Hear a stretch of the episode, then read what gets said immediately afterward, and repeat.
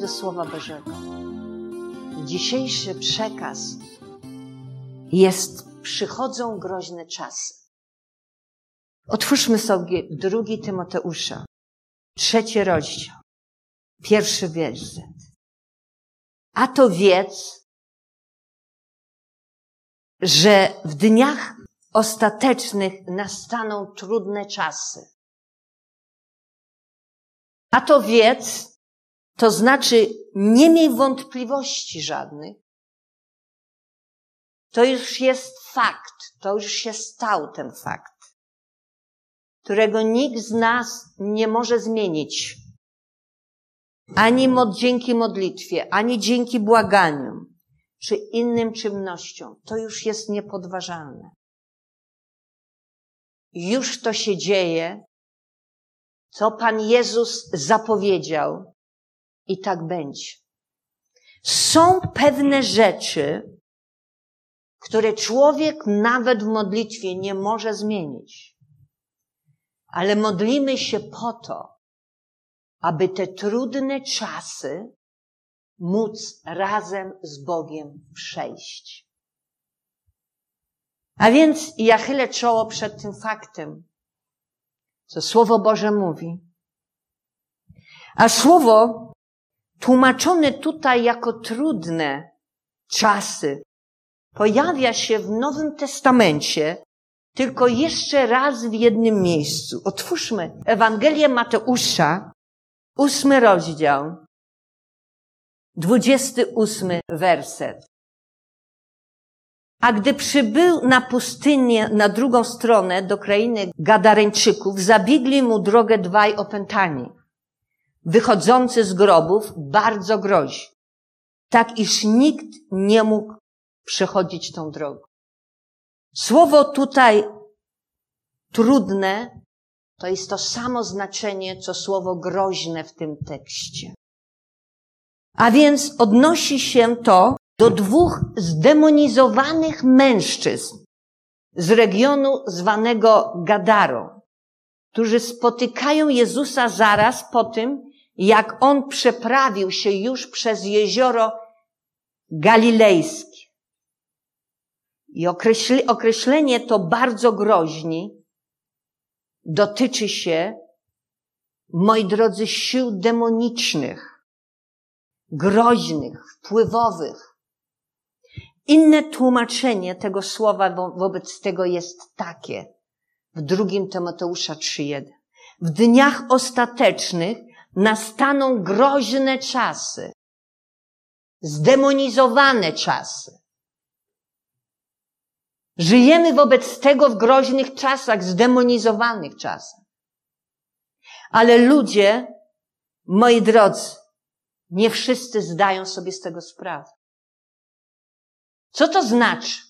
Rzeczy będą ulegać pogorszeniu. Jest już źle, ale będzie gorzej. Pytanie, kto się ostanie? Tylko ludzie w Chrystusie. Tylko naprawdę Chrystus może nas ochronić. Żyjemy w tak zwanych groźnych czasach, gdzie rzeczy ulegają na tyle zmianie, na gorsze, że to nas przerasta. Ludzie stają się gorsi. Czy tego nie zauważasz? Że ludzie stają się gorsi? będą ulegać uciskom, moi drodzy, to wtedy będą, moi drodzy, stawać się gorsi, będą odwracać się od Boga. Jedni, a drudzy będą przybliżać się do Boga. Głównym źródłem tej presji jest postępująca degradacja ludzkiego charakteru, która już następuje a drugim są diabelskie duchowe wpływy ze sfery okultyzmu. Oto teraz zobaczymy, jaki opis daje nam Paweł, co zawiera napomnienie. Otwórzmy drugi Tymoteusza, trzeci rozdział. A to wiedz, że w dniach ostatnich nastaną groźne czasy. Ludzie będą bowiem miłujący siebie samych, miłujący pieniądze, chełpliwi, będą pyszni, bluźnierczy, będą nieposłuszni rodzicom, będą niewdzięczni, nieświęci, niekochający, nieprzejednani, oszczercy, bez samokontroli, okrutni, gardzący tym, co dobre, zdradzieccy, zuchwali, wyniośli, miłujący przyjemności bardziej niż Boga, mający formę pobożności, lecz przeczący jej mocy. Tych ludzi się wystrzegaj, mówi Paweł. Paweł zaczyna. Ludzie będą. Główna przyczyna wylicza 18 aż moralnych i etycznych wad. Ludzki charakter jest podstawową przyczyną tych ciemnych dni, które mają nadejść. Przyczyna jest moralna i etyczna. Deprawacja powstała w wyniku grzechu. Te cechy charakteru staną się bardzo oczywiste i dobitne wraz z zbliżeniem się końca czasu. Słowo niekochający w Biblii króla Jakuba przetłumaczone jest w ten sposób. Bez naturalnych uczuć. To znaczy, matka nie ma uczuć do dziecka, żona nie ma uczuć do męża, mąż nie ma uczuć do żony, bracia i siostry nie mają do siebie uczuć wzajemnie. Główną przyczyną jest egoizm, skierowanie na siebie, na swoje własne potrzeby. Egoistyczne samospełnienie, umiłowanie siebie, umiłowanie pieniędzy i przyjemności. Te wszystkie rzeczy są w jakimś stopniu ze sobą powiązane. Umiłowanie pieniędzy jest wyrazem pychy. Powodu bogactwa możemy stać się bardzo aroganccy. To, co kochasz, decyduje o tym, co, kim się staniesz. Czym się staniesz. To, co kocha, decyduje o tym, czym się staniesz, kim się staniesz. Kiedy kochasz samego siebie, mówisz, jeśli nie podoba ci się mój sposób, w jaki ja żyję, w jaki ja sposób ja reaguję, to ja pójdę w swoją stronę, a ty możesz iść w swoją stronę. I w ten sposób są rozbite kościoły, są rozbite małżeństwa. Gdy rozpada się rodzina, rozpada się społeczeństwo. A jaki jest przepis na porażkę? Wygląda to w ten sposób. Co ja z tego będę miał? Ale kiedy ludzie pobierają się z nastawieniem, co ja mogę Tobie dać, to to małżeństwo się utrzyma. Co ja mogę Tobie dać? Co ja jestem w stanie Tobie dać? To małżeństwo się utrzyma. Jeśli brat i siostra w Chrystusie będą mieć takie podejście, czym ja mogę się z Tobą podzielić? Co ja mogę Ci dać?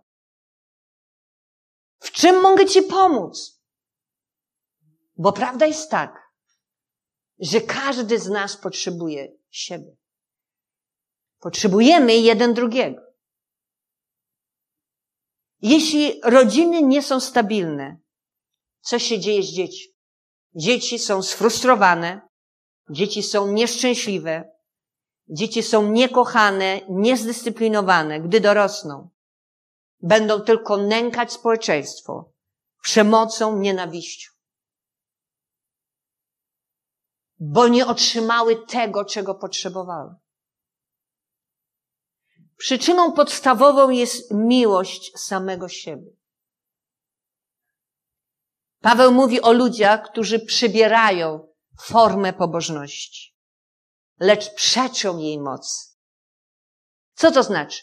Ludzie uważają się, że są chrześcijanami, ale ich życie jest kompletnie nieprzemienione. Tylko tak naprawdę spotkanie z żywym Bogiem, z Jezusem, może spowodować, że człowiek już nie pozostaje taki sam. Paweł mówi, że narodzeni na nowo to jest jedna rzecz i wejście do Królestwa Bożego. Ale odziedziczenie Bożego Królestwa to zgoła coś innego. Otwórzmy pierwszy list do Koryntian, szósty rozdział, od wersetu dziewiątego do wersetu jedenastego. Albo czy nie wiecie, że niesprawiedliwi Królestwa Bożego nie odziedziczą? Nie łudźcie się, ani wszetecznicy, ani bałwochwalcy, ani cudzołożnicy, ani rozpustnicy, ani mężołożnicy, ani złodzieje, ani chciwcy, ani pijacy, ani oszczercy, ani zdziercy Królestwa Bożego nie odziedziczą. A takimi niektórzy z was byli. Aleście obmyci, uświęceni i usprawiedliwieni w imieniu Pana Jezusa Chrystusa i w duchu Boga naszego. Jezus nas usprawiedliwił, kiedy oddałeś swoje życie w modlitwie Jezusowi. Już nie żyjesz ty, ale w tobie żyje Chrystus. Krew Jezusa ciebie uświęciła, ale kiedyś było inaczej. Słowo Boże mówi, również w liście do Efezjan, otwórzmy piąty rozdział, od trzeciego do piątego wersetu, jest tak. A rozpusta i wszelka nieczystość lub chciwość niech nawet nie będą wymieniane wśród was, jak przystoi święt. Także bezwstyd i błazeńska mowa lub nieprzyzwoite żart, które nie przystoją, lecz raczej dziękczynienie. Czyż, gdyż to wiecie na pewno, iż żaden rozpustnik albo nieczysty lub chciwiec, to znaczy bałwochwalca, nie ma udziału w Królestwie Chrystusowym i Bożym. Amen. Słowo Boże mówi konkretnie, że tacy ludzie nie odziedziczą Królestwa Bożego.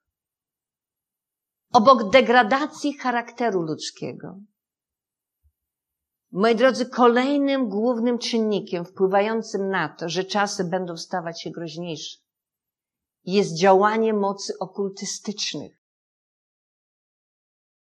Widzimy, jak one narastają. Włączysz telewizor, to karty tarota, astrologia, różdżkarstwo, wróżbiarstwo. Idziesz i często mijasz różne punkty. Co to znaczy?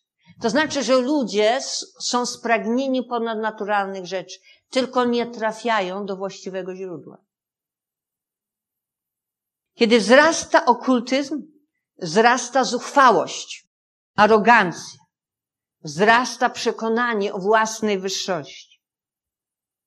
Ludzie wierzący będą wpadali w sidła nadprzyrodzonych presji diabelskich. Pierwszy Tymoteusza 4.1 jest napisane, a Duch Święty wyraźnie mówi, że w późniejszych czasach odstąpią niektórzy od wiary i przystaną do duchów zwodniczych. Będą słuchać nauk szatańskich. Dotyczy to chrześcijan. A Paweł w drugim liście do Tymoteusza, trzeci rozdział, moi drodzy, ósmy werset wyjaśnia to. Podobnie jak Jannes i Jambres przeciwstawili się Mojżeszowi, tak samo ci przeciwstawiają się prawdzie. Ludzie spaczonego umysłu, nie wytrzymujący próby wiary. Jannes i Jambres to jest dwóch magików, którzy w Egipcie przeciwstawili się Mojżeszowi i Aaronowi. Tam toczyła się walka w płaszczyźnie nadprzyrodzonej. Mówiąc o nich w związku z czasami ostatecznymi, Paweł nas ostrzega przed czym? Przed okultyzmem. Co to znaczy? Fałszywymi, rzekomymi cudami i znakami. Przed szatańską sferą nadprzyrodzoną. nadprzyrodzoną. Czytamy drugi Tesaloniczan otwórzmy. Dziewiąty drugi rozdział, dziewiąty werset. Jest tu napisane ten sposób. A ów niegodziwiec przyjdzie za sprawą szatana z wielką mocą, wszelką mocą, wśród znaków i rzekomych cudów. Duchowy konflikt przypomina nam sytuację, która miała miejsce, kiedy Mojżesz i Aaron stanęli przed Faraonem i powiedzieli, pozwól odejść Bożemu ludowi. Możemy, moi drodzy, otworzyć Słowo Boże na drugiej Mojżeszowej, siódmy rozdział.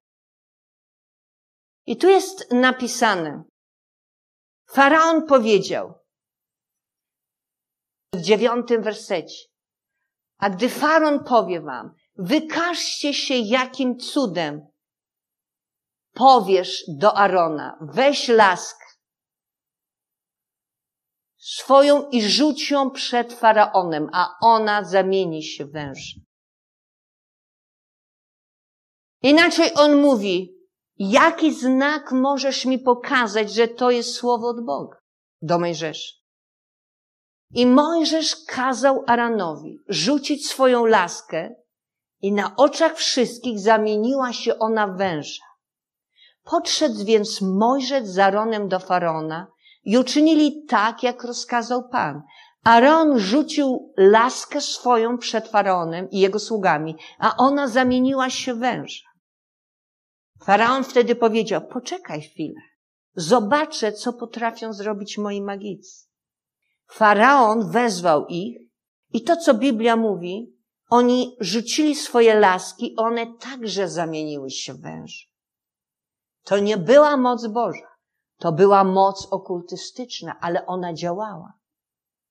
I wyglądała jak moc Boża. I my dalej czytamy, wtedy także faraon wezwał mędrców i czarowników. A czarownicy egipscy uczynili to samo czarami swoimi. Każdy z nich rzucił laskę swoją i zamieniły się węże, ale laska Arona połknęła laski ich.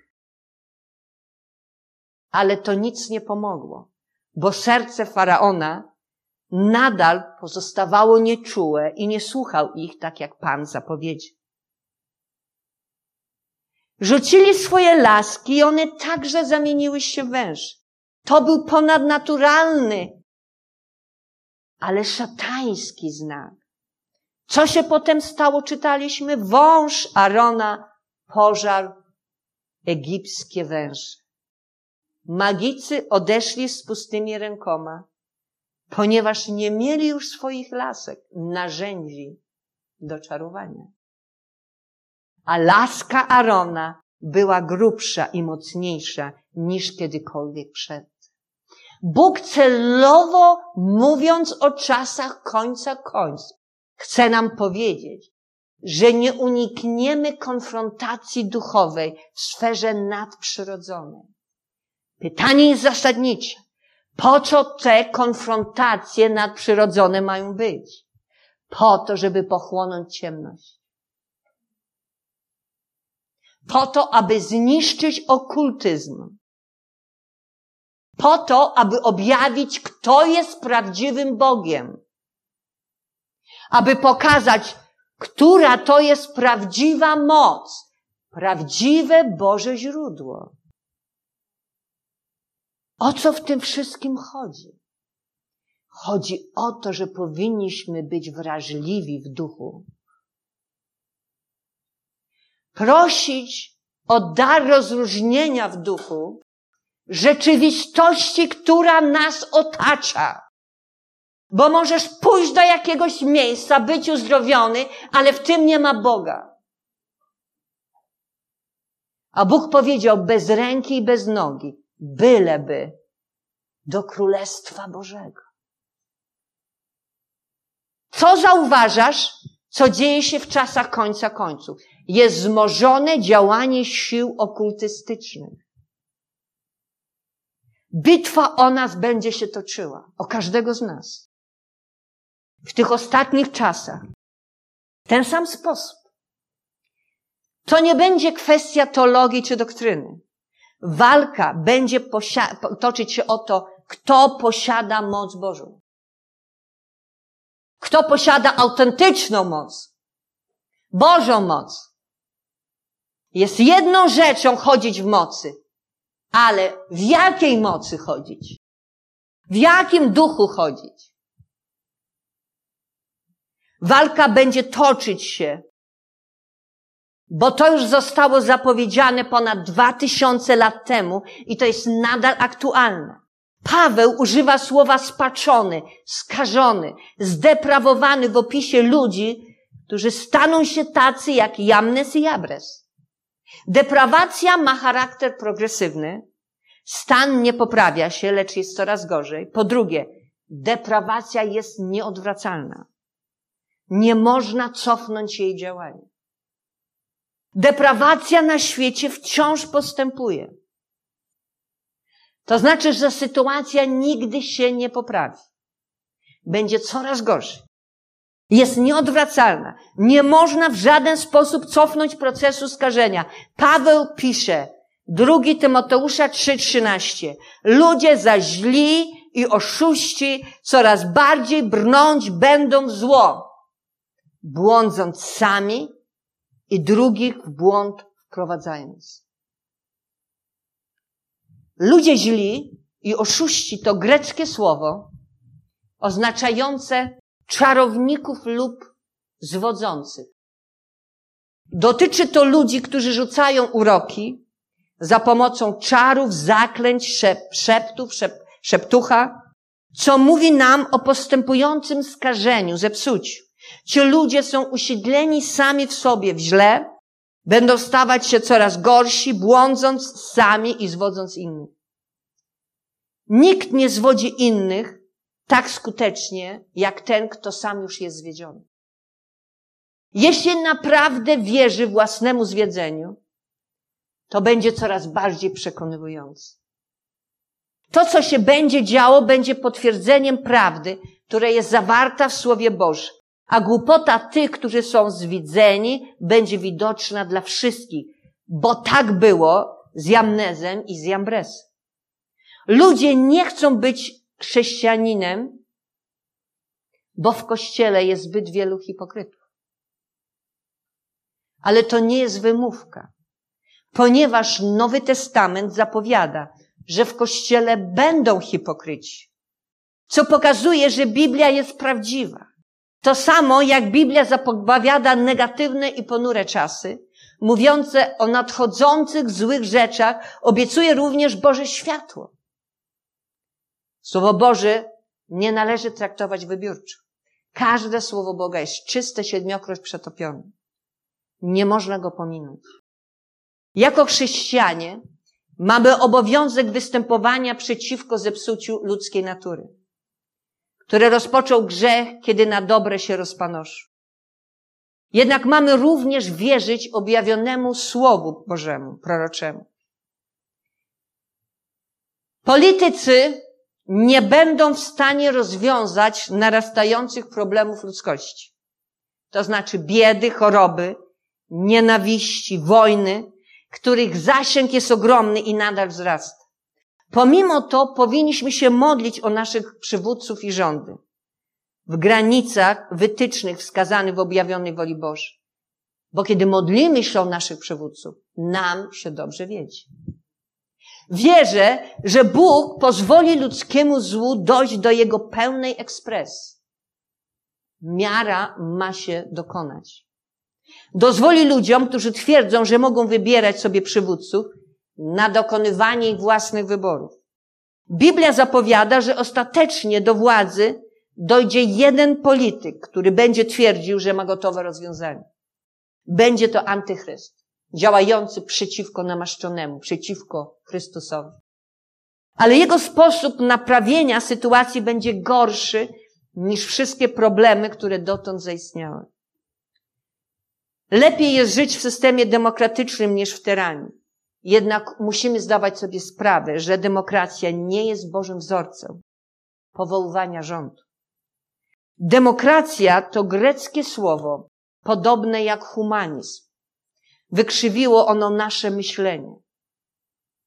Zgodnie z określeniem różnych form rządu, możemy myśleć i mówić o monarchii, które jest najlepszym rządem sprawowanym przez jedną dobrą osobę. Kolejną formą rządu kilku dobrych ludzi to jest arystokracja. Następna władza leżąca w rękach narodu to jest demokracja. Inną formą rządu kilku złych ludzi to jest oligarchia. I najgorszą formą jest rządy jednej osoby, to jest tyrania. Demokracja jest jedną z najsłabszych form dobrego rządu. Ale to nie jest model władzy promowany przez Boga. Bożą formą rządów jest monarchia. Rządy jednego dobrego człowieka o imieniu Jezus. Ostatecznie zapanuje monarchia, jeden człowiek, Jezus, Bóg, 100% i 100% człowiek. Będzie królem, będzie on sprawował sprawiedliwe rządy, dzieląc swoją władzę ze świętymi. Mówimy o tysiącletnim królestwie. Tymi, którzy przez cierpienie, trudności i dyscyplinę zostali wyszkoleni, by razem z nim panować. Usiąść po prawicy Boga Ojca, tak jak on już usiadł. Ci ludzie to Kościół, tłumaczenie słowa greckiego eklezja, które oznacza zgromadzenie rządzące. Jeśli jesteśmy członkami Kościoła, to jesteśmy członkami rządzącego zgromadzenia. I teraz zapytaj się ciebie, na ile Kościół rządzi w mieście? Na ile Kościół rządzi w mieście ma wpływ na miasto? Na Polskę. Jesteśmy członkami Kościoła, rządzącego zgromadzenia, które będzie prowadzone przez jednego sprawiedliwego człowieka, Boga Jezusa Chrystusa. I to jest najlepsze rozwiązanie dla pogłębiającej się na świecie ciemności. Ustanowienie przez Chrystusa Bożego Królestwa na ziemi. Demokracja nie jest najlepszym rozwiązaniem. To nie ma mocy rozwiązać ludzkich problemów. Ponieważ ludzie nie są w stanie wybrać właściwego przywódcy. Otwórzmy pierwszą Samuela, dziesiąty rozdział. Słowo Boże mówi, że Izrael nie chciał Boga jako króla. I wówczas Samuel, Boży prorok, przychodzi do ludu i mówi w ten sposób. Osiemnasty wers. Tak mówi Pan Bóg Izraela. Ja wyprowadziłem Izraela z Egiptu. Ja wyrwałem was z ręki Egipcjan i z ręki wszystkich królestw, które was uciskały. Wy zaś wzgardziliście dzisiaj Bogiem swoim, który was wybawił ze wszystkich waszych niedoli i ucisków. I mówicie do Niego, ustanów nad nami króla. To też staniecie teraz przed Panem, według waszych plemion i według waszych tysięcy, a gdy Samuel kazał wystąpić wszystkim plemionom izraelskim, los padł na plemię Benamina. A następnie kazał wystąpić plemieniu Benamina, ród za rodem i los padł na Matriego, a potem padł los na Saula, syna Kisza i szukali go, ale nie mogli go znaleźć. Więc ponownie pytali Pana, czy w ogóle przyszedł tutaj ten mąż? I Pan odrzekł, tak, lecz ukrył się w taborze. Chcieli Saula, mieli Saula. Chcieli człowieka królem, mieli człowieka królem, ale człowiek jest zawsze omylny. Tylko Bóg nie jest omylny. Amen. I wiecie, jak to ludzie. Chcą, a potem czytamy, lecz pospólstwo mówiło, co nam ten może pomóc? Zgardzili nim i daru mu nie złożyli, lecz on zbył to milczenie. Ludzie się zmieniają jak kalejdoskop. Czy lek w kalejdoskopie. Deprawacja jest postępująca i nieodwracalna. Odkupienie ludzkości bez przemiany w ludziach z góry skazane jest na porażkę. Jaki jest plan Boży dla Jego ludzi? Bóg nie załata starego człowieka. On sprawi, że powstanie nowe stworzenie. I czytamy w 2 Koryntian 5, 17, 18. Tak więc jeśli ktoś jest w Chrystusie, Nowym jest stworzeniem. Stare przeminęło, oto wszystko stało się nowe. A wszystko to jest Boga, który nas pojednał ze sobą przez Chrystusa i poruczył nam służbę pojednania. Jeśli jesteśmy w Chrystusie, nie możemy być tacy sami. Nie możemy już pozostać tacy sami. Powstało coś zupełnie nowego, co tylko Bóg może stworzyć dla nas i w nas. My tego sami nie możemy z siebie zrobić. My się sami nie możemy zbawić. Stara, zepsuta natura nie będzie przez Boga odkupiona. Jej miejscem przeznaczenia jest sąd ostateczny. Ona musi umrzeć. Bożym rozwiązaniem jest nowe stworzenie. Bożym rozwiązaniem jest egzekucja dla starej natury. Adamowej natury, natury, Ewy natury. Gdy Jezus umarł na krzyżu, nasz stary człowiek został krzyżowany w nim.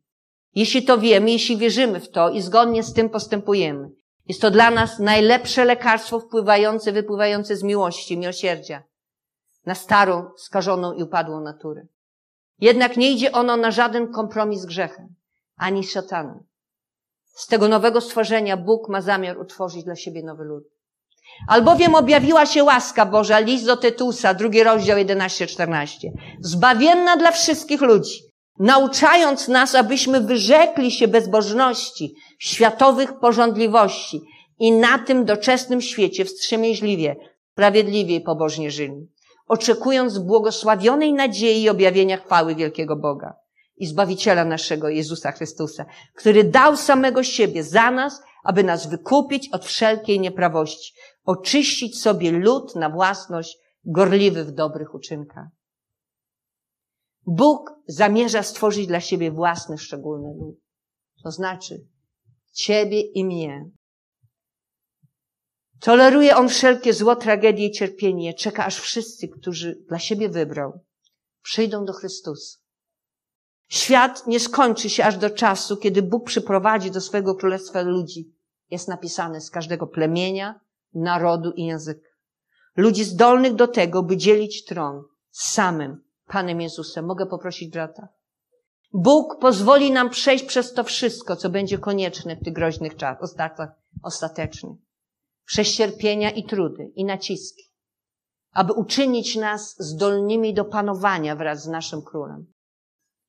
Bóg ma rozwiązanie, a tym rozwiązaniem jest przyjście Pana Jezusa. I czytamy w Ewangelii Mateusza, w 24 rozdziale, 21 werset. Wtedy bowiem nastanie wielki ucisk, jakiego nie było od początku świata, aż dotąd i nie będzie. A gdyby nie były skrócone owe dni, nie ocalałaby żadna istota, lecz ze względu na wybranych będą skrócone owe dni. Gdyby wam tedy ktoś powiedział, oto tu jest Chrystus, albo tam nie wierzcie. Powstaną bowiem fałszywi Mesjasze i fałszywi prorocy i czynić będą wielkie znaki i cuda, aby o ile można zwieść i wybranych Bożych, zbawionych ludzi. Oto przypowiedziałem wam. Gdyby więc wam powiedzieli, oto jest na pustyni, nie wychodźcie, oto jest kryjówce, nie wierzcie, gdyż jak błyskawica pojawia się od wschodu i jaśnieje aż na zachód. Tak będzie z przyjściem Syna Człowieczego. Bo gdzie jest padlina, tam zlatują się sępy. A teraz po udręce owych dni słońce się zaćmi i księżyc nie zajaśnieje swoim blaskiem. I gwiazdy spadać będą z nieba i moce niebieskie będą poruszone. I wtedy ukaże się na niebie znak Syna Człowieczego. I wtedy biadać będą wszystkie plemiona ziemi i ujrzą Syna Człowieczego, przychodzącego na obłokach nieba z wielką mocą i chwałą. I pośle anioł swoi z wielką trąbą i zgromadzą wybranych Jego czterech stron świata z jednego krańca nieba aż po drugi. Jezus zmarł. Jezus cierpiał na krzyżu, aby przynieść nam zbawienie i aby zebrać, moi drodzy, wszystkie zgubione owce Izraela, aby zebrać nas i aby porwać nas paruzja. Oczekujmy tych dni Błogosławiony jest człowiek, który czeka na Pana. Błogosławiony jest człowiek, który wypatruje Boga. Błogosławiony jest człowiek, który znalazł w nim ufność, znalazł w nim nadzieję. I chociaż nastaną groźne czasy i już są, Słowo Boże mówi dla tych, którzy są w Chrystusie. Dla tych jest wykupienie od wszelkiej nieprawości, oczyszczenie na Jego własność. Dla tych jest błogosławiona nadzieja i objawiona chwała Boża. Dla tych czeka, to znaczy dla nas. Powstańmy, moi drodzy. Panie, my Ci dziękujemy, że czego oko nie widziało i ucho nie słyszało, to Pan dla nas przygotował, którzy mamy bojaźń Bożą, którzy Go kochamy, którzy na Niego czekamy, którzy mamy szczere, otwarte serce dla Niego i dla innych w imieniu Jezusa.